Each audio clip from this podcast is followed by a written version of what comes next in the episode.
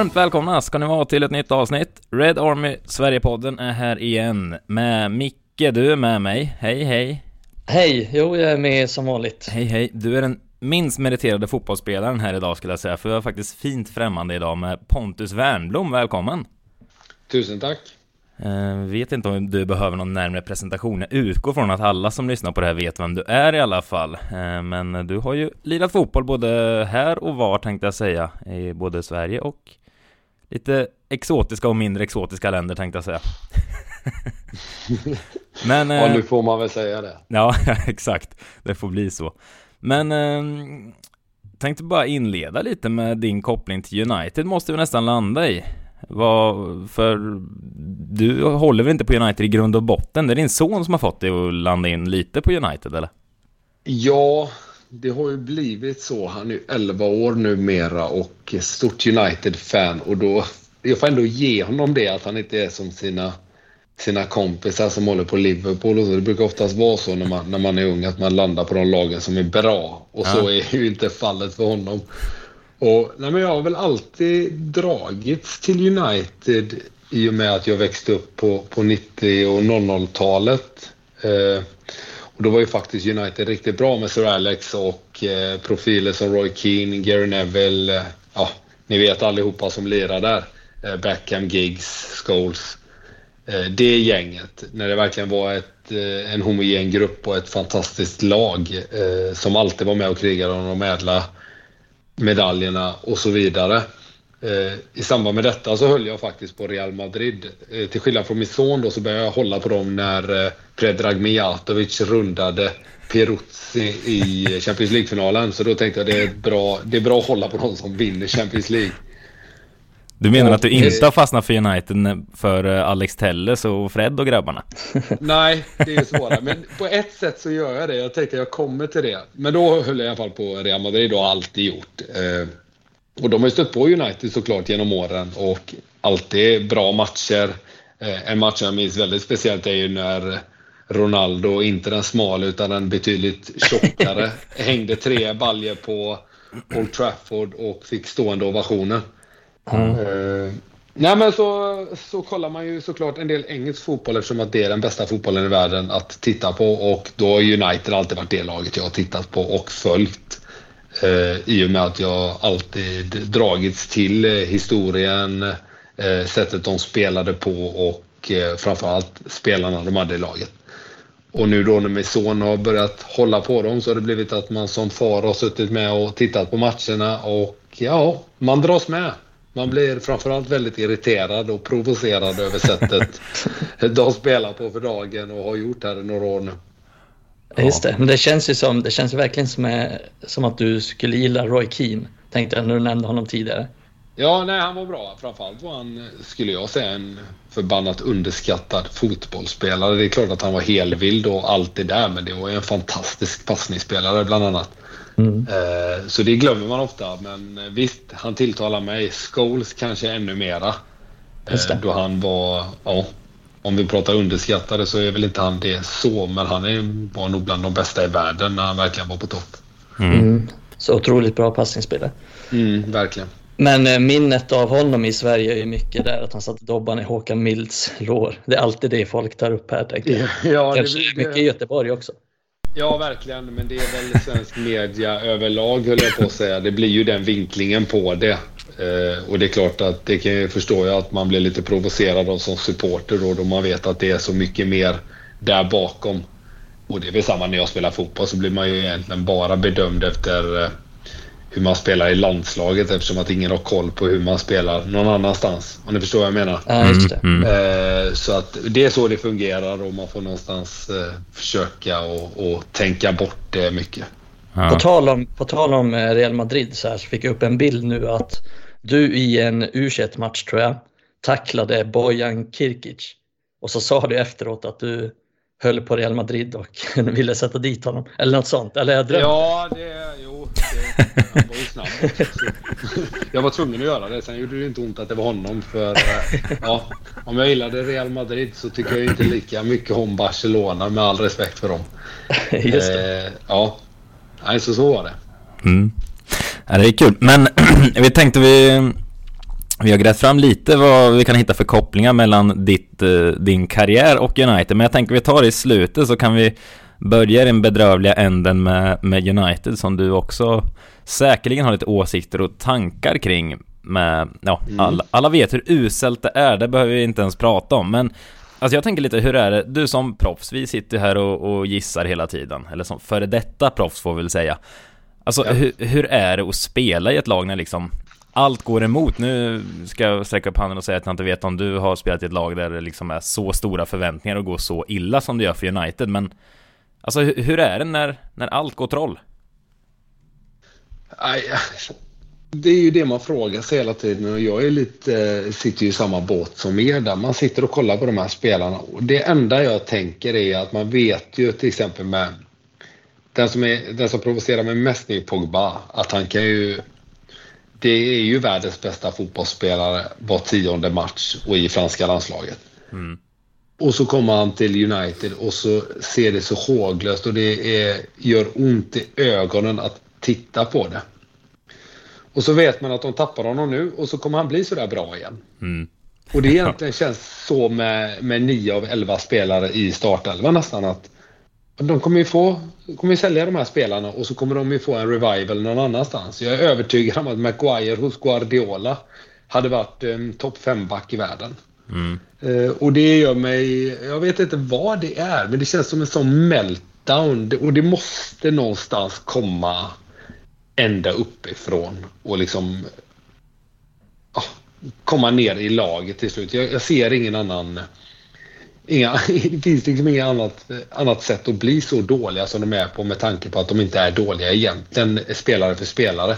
Nej, för många Utan pekar nu på vara... att man måste, eller alltså många pekar nu den enkla vägen att eh, man måste rensa ut 20 spelare och värva 20 nya, men alltså det kan ju inte vara som Maguire, liksom ordinarie England som kom till EM-final, så jag är med lite nej, på vad du är inne på det. Inte så. Det funkar nej. inte så. Alltså, rent, rent krasst så kan du inte göra så i och med att det kommer kosta dig alldeles för mycket pengar. Då, då, går de, då blir de bankrutt. Mm. I princip om du bara kastar ut alla spelare och så här. De vill ju inte flytta. Det är ju det som är ett problem också. Att många av spelarna har ju så höga kontrakt. Att varför ska de flytta på sig? Varför ska Phil Jones dra därifrån? Varför ska Lingard dra därifrån? Varför? Mm. Det, jag förstår inte hur de har byggt det har ju byggts dåligt så länge att det nog tar faktiskt ett par år att bygga upp det igen, även om man gör rätt. Och så har du ju då fansen som står och skriker att de ska vinna Premier League var, varenda år. Men eh, det är nog enklare sagt än gjort som sagt. Och det, det börjar med, med ledningen någonstans och det finns ju... Eh, de är inte helt nöjda med dem såklart, alla fans. Nej, precis. Mm, med all rätt. Och där behövs det inte städas upp, men det behövs ju någon form av struktur där. För de flesta lagen som är framgångsrika och även när United var det, när det väl begav sig, då är det ju bra längst upp i toppen också. Och så mm, smittar det av sig rakt neråt. Eh, för laget mår som klubben mår och klubben mår inte bra för dagen. Nej, precis så är det ju verkligen. Men många, alltså det är många åsikter nu som tror att spelarna liksom, ja men de bryr sig inte, de skiter i det, de försöker inte. Och för mig är det liksom helt orimligt. För de har inte någonting att vinna på det. De har ju bara saker att förlora på det. Till exempel får de en lönesänkning om de missar CL. De får sämre rykte, liksom så här, spela till sig sämre kontrakt, får mottaga hån och hot, eh, framförallt Maguires fall. Så det finns liksom ingen logisk förklaring för det. Vad tror du om det? Jag tror att det är liksom en kultur som har växt sig fast där. Det, är, det kan nog vara lättja eh, till en början. Sen tror jag inte att den är medveten utan det är väl nog snarare att den har växt fast där. Eh, och det är klart, då har du ju alla de här gamla spelarna som står och gormar. De älskar ju inte att se Roy Keane älskar ju inte att se Paul Pogba stå och dansa på Instagram. Men nu är det, nej. Inte, nej, men nu är det ju inte 99 längre heller utan nej. saker och ting, det måste man också ha med sig. Men det är klart att när han gör det när det går så in i helsike dåligt och han är bland de bäst betalda och är sämst varje match.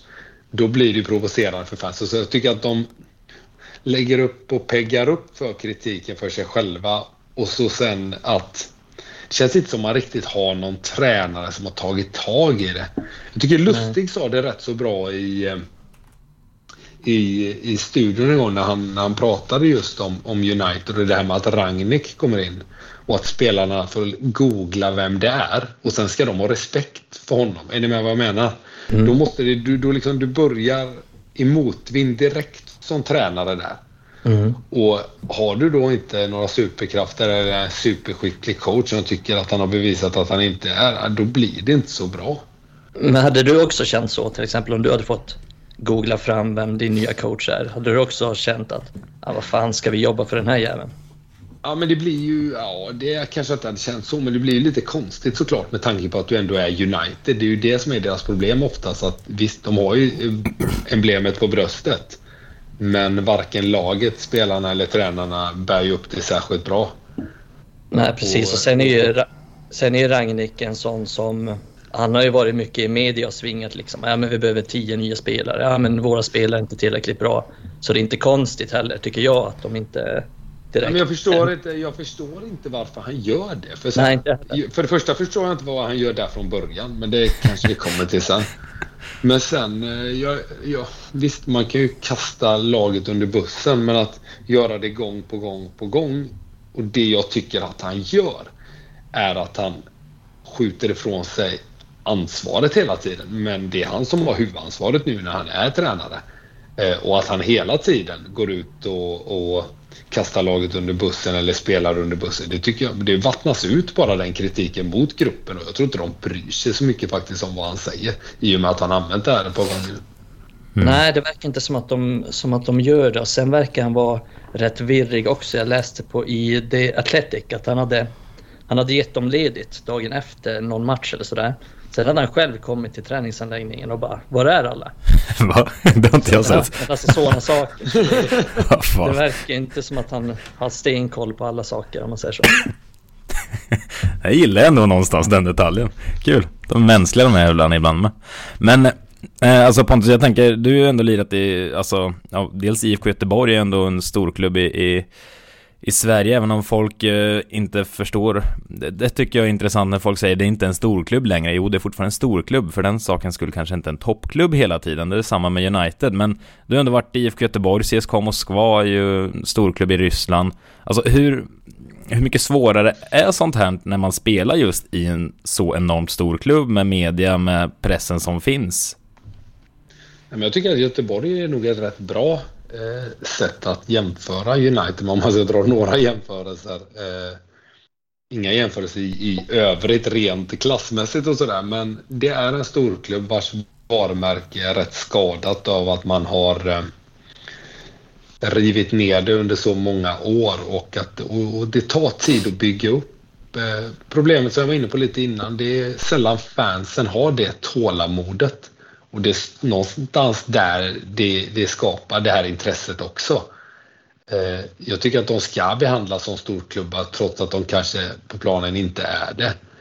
Men däremot spelarna måste ju faktiskt eh, show up, vilket jag tycker att i Uniteds fall är det i många, många av spelarna det är rent bedrövligt. De borde nästan få ännu mer skit än vad de faktiskt får. Jag tycker att de klarar sig rätt så bra emellanåt med tanke på vad de, eh, vad de presterar. Mm. Eh, nu låter jag hård här, men, men så är det. Och, ja, men, eh, United men det är svårt. Det är klart att börjar det knorras och du får all den kritiken mot dig direkt och, och det är svårt att vända på det. Och, ja, de är väl antagligen jättespända när de går in, går in till match hela tiden. Det, det tror jag. Jag tror inte att de njuter särskilt mycket av att spela matcher för dagen. Jag tänk Maguire. Hur fan? Nej, Nej, det går ju inte. Det är ju omöjligt. Det spelar ingen roll hur bra back han är om han vet om att varenda grej han gör kommer ju synas ja. in i, i studion i, i, timmar efteråt. Och det är bombhot och det är allt möjligt. Alltså det är klart att, att kräva att han ska spela bra fotboll är omöjligt. Mm. Men sen så är det ju någonstans det man får förhålla sig till när man spelar i en storklubb. Det är att pressen blir enorm. Men du har ju också en lönecheck därefter, om ni förstår vad jag menar, utan att eh, ta bort att det är fortfarande såklart jävligt hemskt och att det är pissigt att det ska behöva vara så. Mm. Men så, så är det i, i alla ställen. Eh, och på samma sätt som när det går dåligt, går det bra så blir du upphöjd till skyarna på ett sätt som också är orimligt. Mm. Men jag tänker ändå, du var inne på, på det lite, men United supportrar är ändå ganska snälla i jämförelse. Om vi tar till exempel Real Madrid. Jag tänker att där skulle det vara extremt mycket värre om, om spelarna underpresterade så här mycket. Och det känns typ så här Bayern München också. Fansen skulle storma planen känns det som. Ja, men det känns som United-fans är sorgligt nog har vant sig lite efter så många bedrövelser som har varit där på sistone. Mm.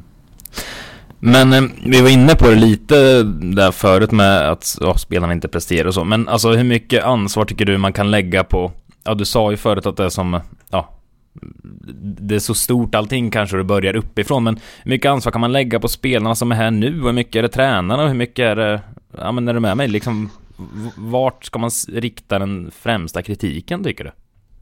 Nu, har vi gått fem, nu har vi gått 15 minuter här och bara hatat på dem stenhårt. Men jag...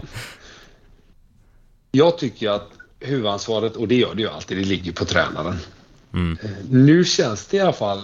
Jag väljer att vara väldigt positiv till, till Ten Hag här nu när han kommer kliva in efter sommaren. För jag tror ändå att man någonstans köper sig. Och det här tycker jag att de haft en sjuk avsaknad av tidigare. Det är en idé, en tydlig idé hur man vill spela fotboll. Jag tycker mm. att det finns i de bästa lagen i Europa. Framförallt i England så ser du tydligheten hos de allra bästa, Liverpool Manchester City. De vill spela fotboll på ett visst sätt och det är liksom kullen de är redo att dö på. Och så sen så värvar de faktiskt spelare till den modellen och kastar inte den så fort det börjar blåsa lite. Jag tror man är på rätt väg med Ten Hag i alla fall och så får vi se här hur man tar sig an det, vilka spelare som är aktuella att vara kvar, vilka man måste byta ut. Men någonting måste ju ske och jag tror även det har lite med hierarkier i omklädningsrummet och sådär att göra. Nu har han chansen. Nu har han ju egentligen ett, ett blankt papper tror jag nästan och skriva upp vilka han vill ha kvar när han, när han kommer. Mm. Men eh, om vi just blickar framåt mot Ten Hag och eh, framöver här, vi ska inte älta det som varit hela, hela avsnittet. Alltså hur... Det har ju varit mycket tidigare att snacka om att eh, United-spelarna slänger tränaren under bussen oavsett vem det är. Att, ja, tidigare, tidigare var det Solskär och nu är det Ragnik man kämpat för sin tränare och så vidare. Tror du att det finns någon sån risk med Ten Hag också, att spelartruppen liksom ja, inte, inte, visa, inte visa mer? Eller knyter man även när det kommer en ny tränare så här tro? Jag hoppas ju att de eh, först och främst att, att ledningen då med sportchef och, och, och, tränare får bort de här ruttna äggen, för det finns det uppenbarligen i spelartruppen. Det gäller att få bort dem för att skapa en harmoni i laget. Och sen att man sätter en tydlig spelidé som spelarna också köper in på. Jag är rätt övertygad om att de vill och tycker att det är roligt att spela på sättet som Ten Hag vill. Så jag är faktiskt väldigt positiv här till, till vad som kommer hända och jag tror att det bara kan bli bättre än vad det är just nu. För nu ser det otroligt håglöst ut. Det är bottenstrid annars. Jag, lite, ja, men jag tror lite samma sak faktiskt. För att jag har haft otaliga diskussioner med många om just det här och, och många argumenterar ju för att ja, men de här spelarna de kämpar inte för någon. Det spelar ingen roll vem som är tränare, de här spelarna är för dåliga. Och det är klart, det är svårt att säga att de inte har en poäng, men jag tänker ändå att Ja, men kolla på tränarna United har haft på sistone. Liksom. Det är Mourinho tydligt på nedgång. Inte varit särskilt lyckosam efter United. Och inte, inte just innan heller. Solskär tränade Molde innan. Rangnick var sportchef i Spartak Moskva, väl? Eh, lokomotiv tror jag till och med det var. Lokomotiv till och med. Fy fan, ännu värre. Ja, eh, och och eh, inte, han har väl knappt tränat ett lag liksom, de senaste tio åren. Så jag, jag, tycker inte, jag håller med dig där. Jag tycker inte United har haft någon riktning. Ingen tränare med en tydlig spelidé. Kolla på Klopp, väldigt tydlig spelidé. Pep, väldigt tydlig spelidé. Och jag tror också att det är det United behöver. Och då tror jag spelarna kommer köpa det. Ja, och så tror jag det blir lite enklare också att köpa in spelare till, till ett spelsystem eh, som passar in i, i den modellen som Ten Hag vill spela. Ge han inte fria händer, men komma överens inom klubben att okej, okay, nu spelar vi den här typen av fotboll är Manchester United.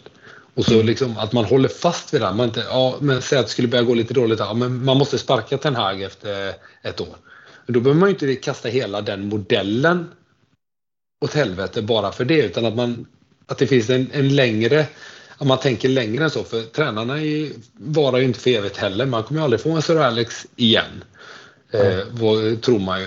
Och eh, då att bara kasta bort allting direkt. Det, det gäller att ha en plan med värvningarna för det, någonstans är det ju där man måste börja. Det är ju värvningarna man tar in. Kolla hur Liverpool blev framgångsrika. Det är ju inte bara Klopp utan det är ju att man sätter van Dijk, Henderson, Mané. Man hittar de här gubbarna till reapriser i princip. Salah mm. United, vad gör de? De går och köper Sancho och sätter honom på bänken de tio första matcherna för en miljard.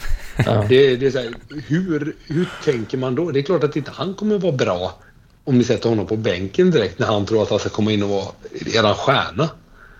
Ja, precis. Eh, och så det finns så många sådana värvningar de har gjort genom åren som det känns som de bara huvudlöst köper spelare.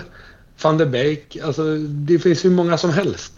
Yt man bara köper spelare bara för att det känns som att de sitter och, och läser på Fotbollskanalen eller på att säga, med vilka spelare som är intresserade av vilka. Och så bara dras de med i det budkriget och vinner men torska på det om ni förstår vad jag menar. Mm. Och exakt så de gjorde med Ronaldo egentligen. Det är exakt så det gick till egentligen med, med Ronaldo. Men jag håller med dig där. Och det känns som att de bara har gått efter namn. Så här. Men fan, Pogba, klart vi ska ha honom tillbaks. Men ingen riktig tanke på hur Pogba ska användas. Och det känner jag väl har varit svårt också med de tränare man har haft. Typ med Solskär. För han, han hade ju ingen tydlig spelidé eller styr, tydlig liksom så här, ja men så här ska vi spela varenda match. Och då, då är det svårt också att värva till det spelsättet eftersom det är så otydligt. Så då blir det ju bara att ja men det här är en spelare A är bättre än spelare B så då köper vi honom. Och sen hoppas ja, vi på att precis, det så alla har ju olika spetsegenskaper. Jag menar vill du ha en ytterforward som, som ska vara grym och gå i djupet och du har den som filosofi, då får du bara köpa in den typen av spel. Då kan du inte köpa in en dribbler som aldrig går i djupet. Är ni med hur jag tänker där lite? Utan mm. Att man någonstans har en vision i klubben som måste cementeras hos alla och så sen så tar man in en tränare som är redo att spela den och om han då inte presterar, ja men då byter du ut honom. För det kan ju finnas andra anledningar än taktiskt. Han kanske inte fungerar med gruppen eller kanske bara är en dålig, eh, vad heter det? Tränare alltså i, med att kommunicera och sådär. Men då måste du ta in en annan tränare men som har hyfsat liknande filosofi hela tiden. Mm. Ja precis och det är lite så Bayern München jobbar. Det är tränare hyfsat ofta ändå. Men där har inte tränaren liksom lika stor makt och där spelar inte lika stor roll vem tränaren är. Utan de har ju en, en tydlig riktning i klubben och så kör de efter det. Och sen kanske det inte funkar med den tränaren men då tar de in Hansi Flick från ingenstans och så är han mm. någon jävla superstjärna och sen mm. vill han lämna och så tar de in liksom en ny tränare och så funkar det ganska bra ändå. Ja, men så förser man dem med spelarmaterial som klubben tror på och ja, jag tror att det är rätt väg att gå. Det är bara att hoppas att, att Ten Hag är mannen för, för jobbet här nu och kunna, kunna sätta en, en spelidé och att klubben framförallt har en vision här framöver. Men hur är det så ute i, i proffslivet när det kommer en ny tränare? Är det så som man föreställer sig att nu börjar alla om på noll och knyter eh, handen i fickan liksom och, och kör? Eller är det att man rynkar på näsan lite skeptisk till en början? Eller hur, hur upplever du att det Du känns ju rent spontant som att du knöt näven i fickan och skulle tackla alla. Men hur är, hur är alla spelare så ute i Europa liksom? Går folk och muttrar lite? Äh, vad är det här för nisse som kommer? Nja, det beror nog på vad det är för typ av tränare. Är det en bra pedagog och så, så brukar det ju till en början i alla fall innan en start 11 har satts. Mm. Så brukar ju alla ge järnet och sådär. Sen så beroende på vilka som spelar och sådär. Det, det är ju någonstans utgången för hur stämningen blir och hur jag hanterar det sen. För i början så älskar ju alla tränaren men det övergår ju rätt snabbt till att de som inte tycker om honom är de som inte spelar så mycket. Vilket är naturligt. Men då gäller det att man roddar det på ett bra sätt och det är klart att i vissa lag så driver ju spelarna.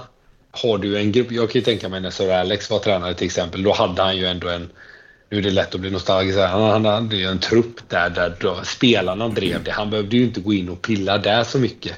Utan spelarna skötte det själva. Jag har varit i lag och det är ju de lagen som oftast är framgångsrika. Det är ju när, när spelarna själva löser det mesta men i Uniteds fall här nu då, det är ju inte ens nära att vara så. Utan de behöver ju en fast hand. De behöver ju en taktik att förhålla sig till som är som de någonstans hittar tryggheten och kommer tillbaka till någon slags trygghet. För då kan spelarna sakta men säkert börja att ta hand om laget på ett annat sätt och tränaren kan börja släppa lite på, på tyglarna.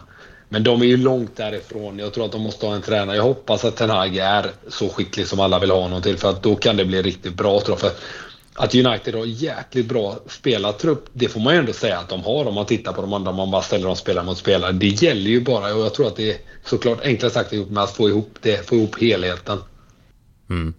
Jag vet, jag såg, eh, såg någon eh, bild för någon månad sedan här med sådana, ja, lagfoto innan match. var en bild från något lag 07-08 där någonting och så var det mot, mot dagens startelva och jag satt och tänkte på det att där, den gamla bilden där kände jag att, ja, 8-9 av de här spelarna skulle jag lätt kunna se med kaptensbindel runt armen, men nu när man såg dagens lag, då var det så här, jaha, Bruno har binden där just nu, jag såg på den bilden, men ja, alltså jag, jag hittar ingen som jag kände av det. Här känns rimligt att ha kaptensbindeln runt armen, det säger nog någonting om någonting, tänker jag.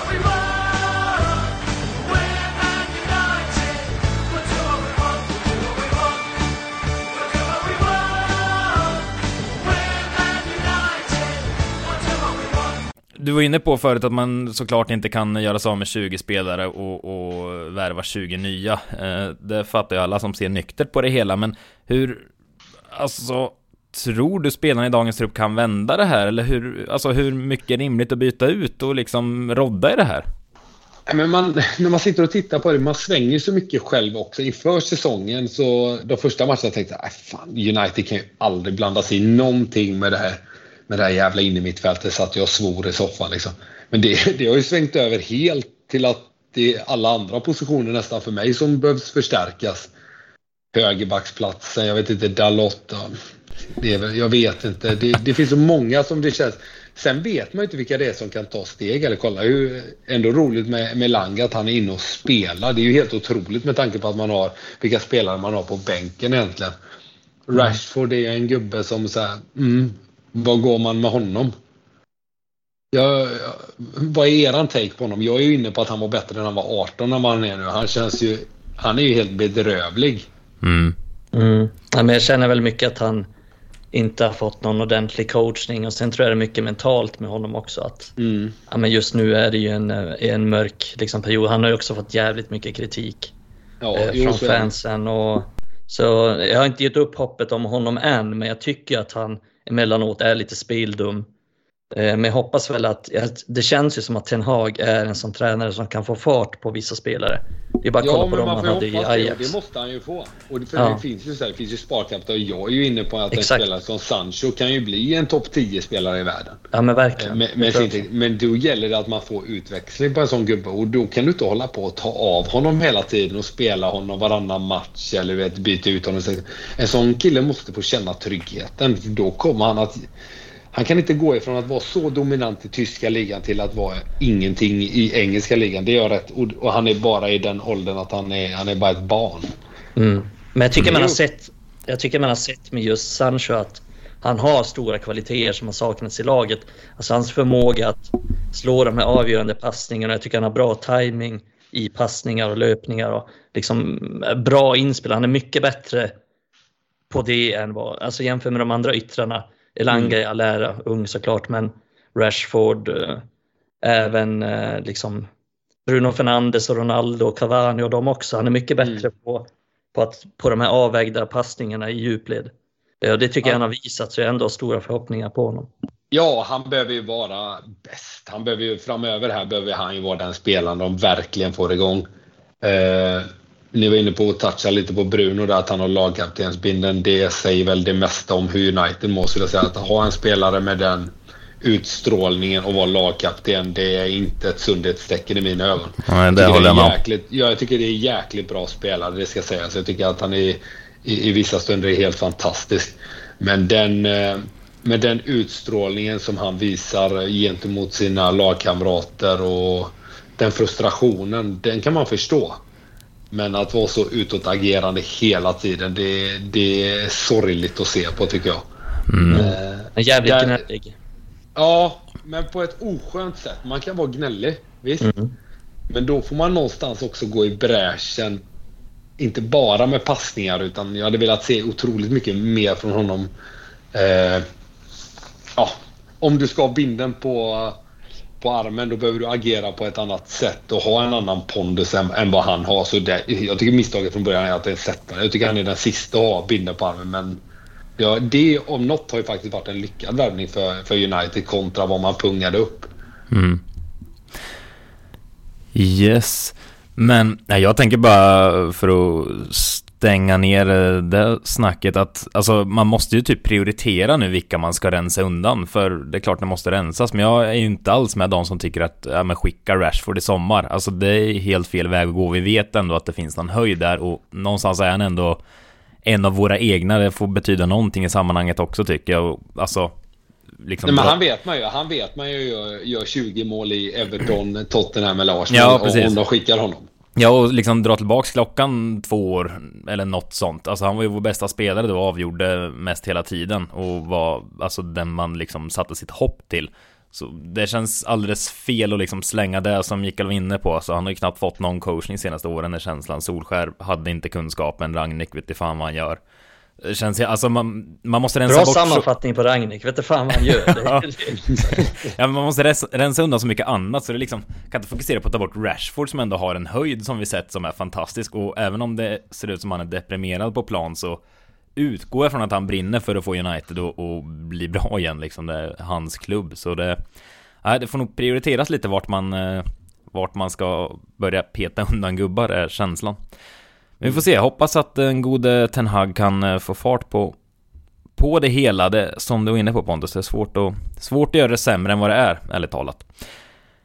Eh, nog, om, eh, nog om det tänker jag. Nu sitter vi här med gammalt fotbollsproffs som ja, har en del kopplingar till United trots allt. Du har aldrig varit på väg till United va? Så kul är det inte. Nej, så då hade det ju varit ett ännu större haveri än det, det som är idag. Eller? Hade du sprungit där? Inte, jag hade nog inte kostat en miljard i alla fall som Maguire, det tror jag. Nej. Nej, jag tror inte du hade gnällt så mycket. Du hade nog eh, varit... Jag tror att, jag tror Haft att binden. hade älskat dig faktiskt. Ja. Haft binden idag kanske, jag hade fortsatt lira än idag. Ja, då hade... Ja. Då hade de nog inte, då hade de legat ännu sämre till. Det tror jag. Det hade varit Sunderland och ni i League One och härjat. Ja, typ så. Nej vars. Men eh, vi har ju grävt fram lite spelare som vi hittat lite kopplingar till, men du har ju faktiskt mött United också. Hur var det? Just det. Just det. Det var under Mourinho-tiden tror jag. Mm. Och då var de ju... Jag ska inte säga att det var början på, på raset. Men det jag minns av den, jag vet inte vad matcherna slutade. Jag minns att Rooney gjorde 0, 1-0 på Old Trafford Det är typ 82 när en kille i vårt lag tappade bollen på en väldigt dum plats. Men jag, utav de flesta lagen jag ändå spelat mot, de flesta utav de bra lagen om man säger, i Europa är nog United det laget jag var minst imponerad av, där man ändå kände att här har vi en chans. Det tycker jag inte man kände mot de andra lagen på samma sätt. Men de var, men de var på en riktigt dålig plats just då också får jag ändå säga. Då var det spelare som Rojo, Phil Jones, Schweinsteiger som var, han kunde knappt röra sig. Det var en fantastisk fotbollsspelare såklart. Hur var det att möta honom på ålderns höst? För jag tänker att ni mötte honom, ja, eller var det inne mitt då? eller hur? Han var jättetrött ju. Sen har jag mött honom när han var som bäst och då var han ju bäst. Ja. Men då var han riktigt, alltså han kände skadeskjuten alltså på ett sätt som man, ja. Det var inte riktigt värdigt honom med tanke på hans karriär. Men framförallt när han spelade i United tyckte jag inte alls. När vi mötte dem då var han ingen bra. Och så var ju Rooney lite äldre och sådär så nej. Jag var inte imponerad av dem alls då och då tror jag väl Mourinho var tränare. Mm. Var det någon speciell spelare du blev imponerad av då? Jag ska tänka här nu vem det var i så fall. För de hade ju det där, de hade ett riktigt beige lag, eh, ska tilläggas här nu. Men Rooney var ju bra såklart, framförallt i det felvända spelet. Han var ju en oxe. Men han var ju också lite äldre, så det var inte så att han sprang ihjäl sig. Sen mötte de ju oss och visste antagligen, men vi vinner ändå. Lite så som man gör när man möter sämre lag.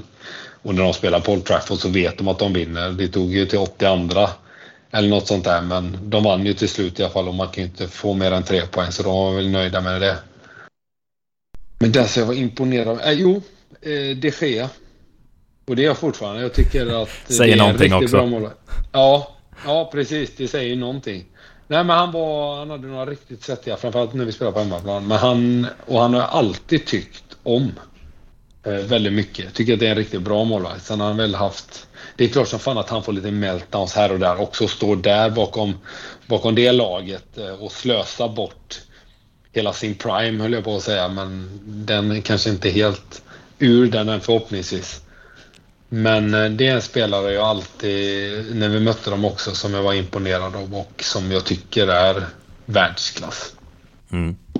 Ja, precis. Jag kollade laguppställningar faktiskt när ni mötte dem på hemmaplan nu. Då var det ju Martial spelade, Mkhitaryan, Lukaku, Ja, Blind. Just det. Just det. Daley Blind. Daley Blind var faktiskt, eh, Han är bra. ska sägas, en riktigt bra fotbollsspelare. Sen för, alltså, mot lag som oss då, när de har bollen mycket och sådär. Sen förstår jag att problemet blir i Premier League då när man kanske försvarar lite mer och sådär. Då blir ju kanske han lite mer eh, synad i sitt försvarsspel. Men en otroligt bra fotbollsspelare när man bygger upp spelet. Ja, jag gillade alltid honom. Extremt bra fötter och lugn och klok med bollen. Och... Ja, ja men med båda fötterna också. Inte bara en vänsterfot utan med båda fötterna. Inga misstag i uppspel och sådär. Sen är det klart som vi, som vi var inne på lite. Eh, det är väl en modern back ändå får man väl ändå kalla det. Jag vet inte vad var han i United. Han var allt, alla möjliga positioner. Mm. Mycket mittback och vänsterback framförallt. Ja, ja. Mm. Täppt i en hål där det inte fanns någon annan. Ja, lite så. Men eh, du har ju Du har ju faktiskt också varit lagkamrat med ett par eh, lirare som varit i United. Soran Tosic tänker jag osökt på. Han var ju ändå i CSKA Moskva rätt länge väl? Han skulle ja, ju bli... jo, vi lirade ihop i fasiken, kan vi göra sex och ett halvt år eller något sånt. Ja, där. För de som inte har koll på honom, för han slog aldrig igenom United, blev ju aldrig. Han var ju... Han skulle ju bli next big thing väl, Micke, du som har dunderkoll på akademin, eller next big thing, men han var ju ändå högst han var inte så intressant mycket. var han väl? Eller var han inte det? Ja, han var inte så mycket akademivärvning egentligen. Men, men det, var, det var en lite märklig värvning där för att United skulle ju värva honom och sen vad heter han, Adam Lajic. Eh, Men eh, av någon anledning så kom ju Adi Lajic och gick han till något annat lag istället. Men skitsamma. Nej, men Tosic, han slog väl aldrig igenom. Men jag tyckte ändå var, han var helt okej i, i stunder så här. Så jag förstår att han spelade länge i till exempel Moskva på en ganska hög nivå ändå. Ja, det var ju ingen eh, United-spelare skulle jag väl säga rent kvalitetsmässigt heller. Jag tror väl de köpte han från Partizan om jag inte minns fel va? Ja, jag tror det.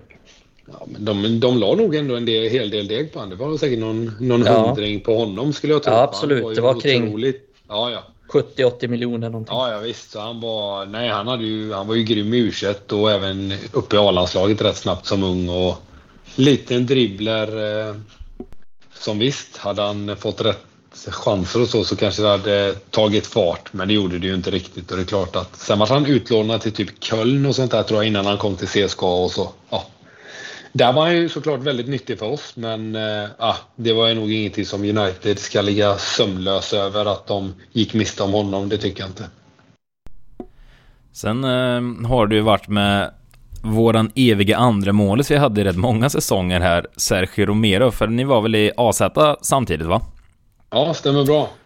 Alltså hur, ja dels eh, hur han var som målvakt, men jag tänker, eh, alltså hur var han som person? För jag tycker det är lite intressant ändå när han liksom går till United och tydligt accepterar att jag kommer vara andra målvakt här. Han var ju liksom i en bra målvaktsålder som man brukar säga det.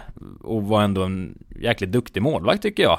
Men hur, fan, det har han gjort hela sin karriär känns det som. Han Ja. har accepterat att vara andra målvakt. men hur, hur var han som person Pontus tänker jag? Alltså, det känns som han har något Det är något lurigt när man bara, äh, men äh, skitsamma, jag kan sitta som andra målis hela karriären, det gör inte mig så mycket. Ja, jag kan först och främst säga så här. Han var otroligt reserverad. Eh, han pratade ju ingen engelska när vi var i Holland överhuvudtaget. Utan han sket i det totalt. Eh, Men han var också lagets en av fixstjärnorna där. Det var en otrolig målvakt ska jag säga. Så att inte han fick den utväxlingen som man hade hoppats på, som jag trodde också. Jag tänkte, för mig var ju det, det här blir ju en, världsmålvakt. Det här är ju en topp 10 målvakt i världen om han vill. Men jag trodde att han, liksom, jag tror att han tyckte livet var rätt gött. Du vet när han kom till United sen. Han var väl i Sampdoria någon sväng och, och lite sådär. Och, och sen fick han det jobbet i United och tyckte att det livet var rätt gött. Och bara sitta som tvåa där och spela i, i, i kupperna. För jag kan säga en sak, jag har aldrig sett... Jag, Akin var bättre för han hade mer talang. Men just att han var ju nästan två meter lång. Jag kommer ihåg när vi spelade Holland, vi lät på hörnerna så visste vi att han skulle ut och nypa dem. Så vi i princip bara stod höll våra gubbar. Direkt när de slog hörna så hade våra snabbaste spelare bara sprungit iväg. För att det spelar ingen roll vart i straffområdet den jävla bollen kom. Så kom han flygande med sin sånt hårsvall. Eh, ja, och tog bollen och, och satte igång kontringar och så la han då sådär gött på sniskan, du vet, eh, som sydamerikanska målvakter gör. Ja, just det. Och iväg. han var otrolig och det, det är tråkigt när man spelar med sådana spelare som man tror ska bli så jäkla bra. Och så blir de inte riktigt det. Nej. Eh, Man kan han, ändå... är den, eh, han är väl ändå den jag känner mest som jag what could have been liksom. Ja, men det är ändå, fan jag kan ändå respektera det. Alltså typ bara dra in miljonerna liksom för att Ja, sitta jag på med. bänken.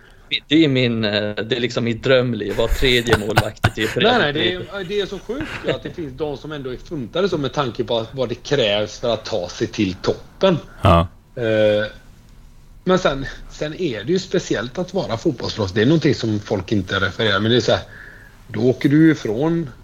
Det, när det är som allra roligast är det när du spelar med dina vänner och sen efter det när du spelar i ditt eget hemland, i din egen hemstad. Där du har, men sen när du flyttar ut då blir det mer och mer ett jobb och jag tror att för många som för Sergio Romero här så tror jag att då är det bara ett jobb till slut. Vilket det blir. Att man blir någon slags legosoldat som blir, är avlönad för att utföra ett jobb och, och så gör man det för att man är bra på det.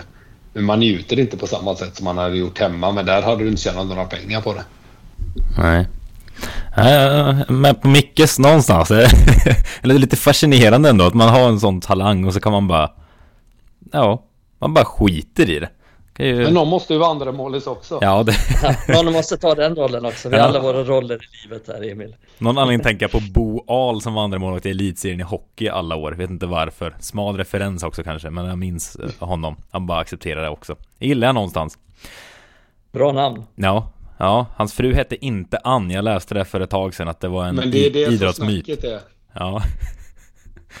Men eh, sen måste vi väl ändå, Zlatan var ju trots allt i United ett par säsonger och du har, eh, du lirade ju faktiskt med honom i i landslaget. Är han, är han den bästa du lirat med eller eh, har du Ja, andra alternativ? Ja, ja. Jag fick ju äran att springa på samma plan som honom eh, i hans prime. Eh, när han var, inte i United kanske, men där i PSG till en början. Eh, I Milan. Eh, så det var ju, nej. Det var en, en spelare som, ja, jag skulle nog säga även om det gick som det gick United, det var ju inte hans fel. Han var ju även bra där. Men hade han haft lite bättre wingmans eh, eh bredvid sig i det laget, då hade han definitivt lyft United till, eh, till eh, betydligt fler titlar. Det kan jag säga. Det var en helt fantastisk, eller är en helt fantastisk spelare. Men just när han var i sin prime så är det klart. Det gick inte att ta bollen av honom. Nej. Men hur är det så i landslaget? Bara komma på nu på rak arm. Alltså hur mycket pratar man med varandra inom landslaget om sina klubblag så liksom? Jag tänker om någon eh, United-spelare nu till exempel hade, ja, säg Elanga om han kom till landslaget liksom. Mm. Snackar man om problemen i, i klubblaget? Så, ja, det, det är inte bra i United nu, alltså det är hemskt att gå till jobbet. Eller hur, hur går snacket sådär? Nej, jag tror väl kanske med tanke på att de har, att United ändå är så pass eh, påpassat även i Sverige får man väl ändå säga. Så tror jag att de är ändå rätt så eh, reserverade i vad de delar med sig av och inte eftersom att de vet att det kan bli kvällstidningsstoff om de säger att Paul Scholes kanske Ja. läcker. Ja, inte som Ja. Jesse Lingard som säger till. Paul Scholes att det är katastrof. Nej, men nej precis. Och det är ju inte... Jag tycker att det är rätt dåligt av Paul Scholes faktiskt. Jag ska vara helt ärlig. Just i den situationen Jag tycker jag att det är bedrövligt om man säger någonting i förtroende. Och Ja. det är Ja, klart verkligen. att det, att det tror ju folk att det är när du är med ett landslag. Men jag tror kanske man kanske inte vågar gambla på det heller. Eh, att det inte ska komma ut. Med tanke på att startelvor och allting annat läcker. Och United är ändå hus, en, en sån stor klubb att det skulle...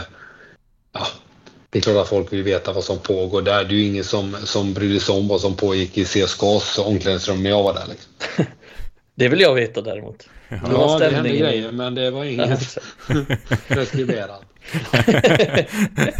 Men eh, på tal om hända grejer. Du, vi, eh, min favoritkoppling eh, Pontus Wernbloom till United är ju ändå att Louis van Gaal, men där förstod vi att han värvade dig till AZ så att säga, men han eh, han, han sticka innan du kom dit, eller hur var det? Ja, precis. Han, eh, jag värvades ju på våren fast skrev på kontraktet så jag var ju klar till första juni. Mm. när fönstret öppnade. Men då lämnade han precis, jag tror några dagar innan, för Bayern München. Ja, det, det är lite som Ferguson värvade van Persie. Nu bara job done. Hur ja. bra är Ja, precis. Så, nej, men på den vägen var det. fick vi Ronald Koeman istället och det blev inget bra. Nej. Så det, men eh, ja, jag fick ju berättat för mig att alla var i princip rädda när de gick till träningen. Ja, det var så? Eh, ja. Eh, så var det. Så var snacket. De sa däremot också att det är världens bästa tränare. Huh.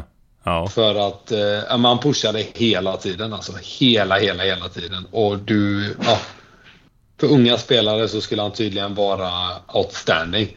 Sen vet jag inte hur väl det rimmar med... Då ska man också ha med sig att AZ var en, en klubb med rätt små medel, mycket talanger kontra om du ska ta över ett världslag som United med redan världsstjärnor i laget. Hur reagerar de på, på den typen av eh, tyranneri som det nästan var? Ja, jag läste en del om det och Eh, som jag förstod det så blev de väl ganska trötta på honom till slut för han var ju väldigt mycket så att ja, men de gick igenom video efter matchen liksom, så kunde han stanna bara och så bara typ hänga ut någon inför hela gruppen. Bara, mm. Rooney, vad fan håller du på med här? Varför gör du så här? Liksom, mm. Och så kollade i detalj typ att han slog en felpassning i 78 minuten på offensiv planhalva som inte ledde till någonting dåligt egentligen. Utan det var en vanlig felpassning, kanske var han tillbaka sen. Men han ja, satt nej. liksom och kollade på sådana detaljer och kunde bara säga fan vad dålig du är här. Ja, eh, nej, precis. Och det är för unga spelare kanske det är jättebra om du är i början av din karriär och så. Men är du Wayne Rooney så känns det som att du behöver inte höra det. Utan du, du vet nog för det första om att du har gjort ett misstag och för det andra så finns det inte så mycket mer att utveckla med tanke på att du är en av världens bästa fotbollsspelare. Nej, precis. Så det var väl det lite han föll på. Plus att han spelade rätt tråkig fotboll också. Men... Ja. Mm. Men vad, vad, vad, tror du är vägvinnande ledarskapet så i fotbollsklubb? Eller tror du det är väldigt annorlunda beroende på vilket lag man är i? Eller har du fångat upp något från din karriär att ja, det här ledarskapet är nog det bästa liksom i, i grund och botten? Uh, ja, jag kan prata för min egen del. Så jag, sen är det inte det allas. Vissa behöver Nej. ju verkligen ha piskan. Jag har ju sparkat bakut när jag har fått den. Mm. Uh, jag har inte alls tyckt om det. Däremot så har jag alltid gillat när de när, när man skiljer. De som har varit mest humana är de som har tilltalat mig mest som tränare. De som kan se individen lite mer och anpassa sitt ledarskap. Att inte bara köra en hel grupp utan att ja, den spelaren behöver det av mig. Ja, men den spelaren behöver piskan. Den spelaren behöver få lite mer frihet. Den behöver ha lite mindre frihet. Och, ja, men liksom att man, att man... Ja, vi såg ju att, eh, vad heter han, Bengan Johansson avled här igår. Den gamle handbolls... Eh, coach. Han känns som en, en tränare som verkligen hade passat mig och jag tror att den typen är den som passar för de flesta. Mm. Eh, men då gäller det att man har karaktärer i ett lag då och då är man tillbaka till det här lagbyggandet som, som kan driva det när det blåser lite snålt, när det, när det går emot lite för att det är kanske svårt att vara superhuman hela tiden och sen ställa krav. Det är rätt svårt, men det går ju givetvis också. Mm. Jag tror, tror det någonstans i grunden att man ska vara en bra människa, en bra person som genuint bryr sig om människorna den leder och arbetar med. Precis, jag tror det var det Solskär vann mycket på i början. Att han var den typen av ledare som, ja, man var schysst mot alla och alla tyckte att han var schysst och liksom fair. Men sen eh, kommer det ju någonstans till en punkt där man också måste ha kanske lite större taktiska färdigheter och vara en lite bättre bättre coach helt enkelt än vad han var. Men, men jag tror han vann mycket på det i början, att han var en god gubbe liksom. Ja, och framförallt då om du är United och kanske inte har det bästa spelarmaterialet. Jo, men då är det klart, då måste du ha de taktiska färdigheterna för att såklart vinna över de, eh, de, de andra lagen som, som är kanske bättre än det på pappret. Då kan du inte bara vara en god gubbe, då måste du hitta fördelar till ditt lag. Men jag tror någonstans att har man en riktigt bra trupp, då gäller det bara att få den att må bra och få den att driva sig själv nästan. Mm. Yes, men du, innan vi stänger ner här måste jag bara, jag har ju ett favoritklipp alla tider typ från uh, fotbollsvärlden. Det var ju när ni mötte dåvarande Vitryssland med landslaget på, på bortaplan och nationalsången sjöngs. Belarus ska det väl heta nu för tiden. När, uh, hur var det, du minns det här gissar jag, när du och ett par andra står och håller det för garv så det sjunger om det när en vitryss går upp och sjunger nationalsången. Ja, ja nu, nu trillar på lätt. Ja, fy fan. Det min- det var ju... Jag tycker det är så fruktansvärt kul. Jag försökte faktiskt hitta klippet igår men jag lyckades inte hitta klippet. Det fanns något Nej, på... du får gärna skicka det till mig i efterhand för det var ju en sån slakt. Jag kommer ihåg det så Det väl. var en slakt av en nation. Jag vet inte fan om man gav sig på att sjunga den på svenska med, med en sån brytning så du står man ändå där och är laddad och du vet tugga fradga liksom och så kommer det och avväpnar en helt. Så var det det de ville ha ut så lyckades de verkligen med, med det lilla spexet, får jag säga.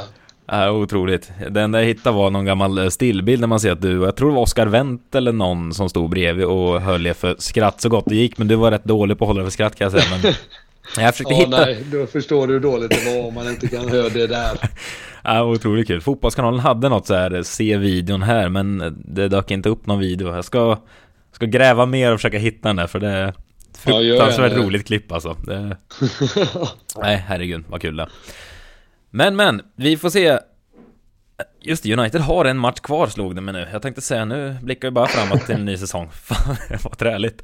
Eh, har ju faktiskt säsongsavslutning mot Crystal Palace kvar. Vad, vad tror ni det är förresten bara om vi ska eh, avsluta med det? Kommer Ragnik starta de här eh, gamla dinosaurierna igen? Alltså nu finns ju allt hopp i ute. Det, det är verkligen bara den matchen. Crystal Palace har inte mycket att spela för heller. Alltså, kommer vi få se något spännande då? Jag vill helst inte att han är kvar på matchen heller. Han kan kasta ut sig själv också och sin jävla rådgivande roll eller vad det är han ska ha. efter. Vad- är det för någonting? Vad, vad är Det är det ingen som vet, va? om? Ja, det är Jag något påhitt. grejer här nu. Ja, det är något påhitt. Jag tror inte han vet själv. Jag Nej, det verkar inte som det. Nej, det är otroligt. Nej, nej, det var ju... vill man ju bara överspela så det finns ju inget. Testa de unga killarna. Eh, gå in i den nya säsongen. Jag vet inte om man kan ha någon liten god känsla. Det har svårt att tro det. Men eh, Mayberg och de här killarna kan väl få chansen tycker jag. Ja, men fan ta liksom U23-tränaren och låt honom spela hela U23-laget. Typ. Ja, det hade varit lite coolt att se, men det, det känns långt borta. Ja, men lite som mot Astana. Ja, just det. då var det, då var det lirare man inte hört talas om på planen. Ingen i Sverige förutom Mikael Krekula hade hört talas om de lirarna kan jag säga. Ja, Men eh, ja, vi får se vad vi, eh, vad vi får av det och vad vi får av eh, säsongen eh, från sommaren och framåt. Det blir spännande att följa, minst sagt. men det är, det är Uniteds största match den här säsongen imorgon. Ja, tänkte faktiskt komma in på det. Det, det blir att följa. FA Youth Cup final. Mm. På Old Trafford. Mm. Mot Med, Nottingham. Sålt eh, 65 000 biljetter till den. Så det är... Det blir någonting att finns. Visa. Intresset finns för att se United vinna fotbollsmatcher. Mm. Kan man inte se A-laget vinna då får man se U18 vinna istället. Mm. Ja, det brukar vara så. Den matchen sänds faktiskt på Viaplay också, får vi nästan bjuda på lite reklam här för eh, så att vi kan se den matchen i Sverige. Det blir eh, spännande att se. Någon form av framtid kanske vi kan eh, hoppas på. Det märks. Vi får buga och bocka för att Pontus Wernbloom ville ställa upp och vara med i en United-podd i dessa tider. Tusen tack för att jag fick vara med. Ja, det var en, det var en ära. Eh, kul att du var med också Micke, men du brukar sitta här. Ja, du tar mig lite för givet nu. Ja, jag, ska, jag ska börja... Ja, om jag inte kan bli bra på fotboll så får jag börja ställa andra krav på dig. Så Ja, att ja. jag blir mer uppskattad. Ja, ja, ja, ja, ja. Det var det. Ja. Hörni, vi kommer med något nytt avsnitt eh, nästa vecka någon gång. Eh, ha det gott tills dess så hörs vi. Hej! Ha det bra.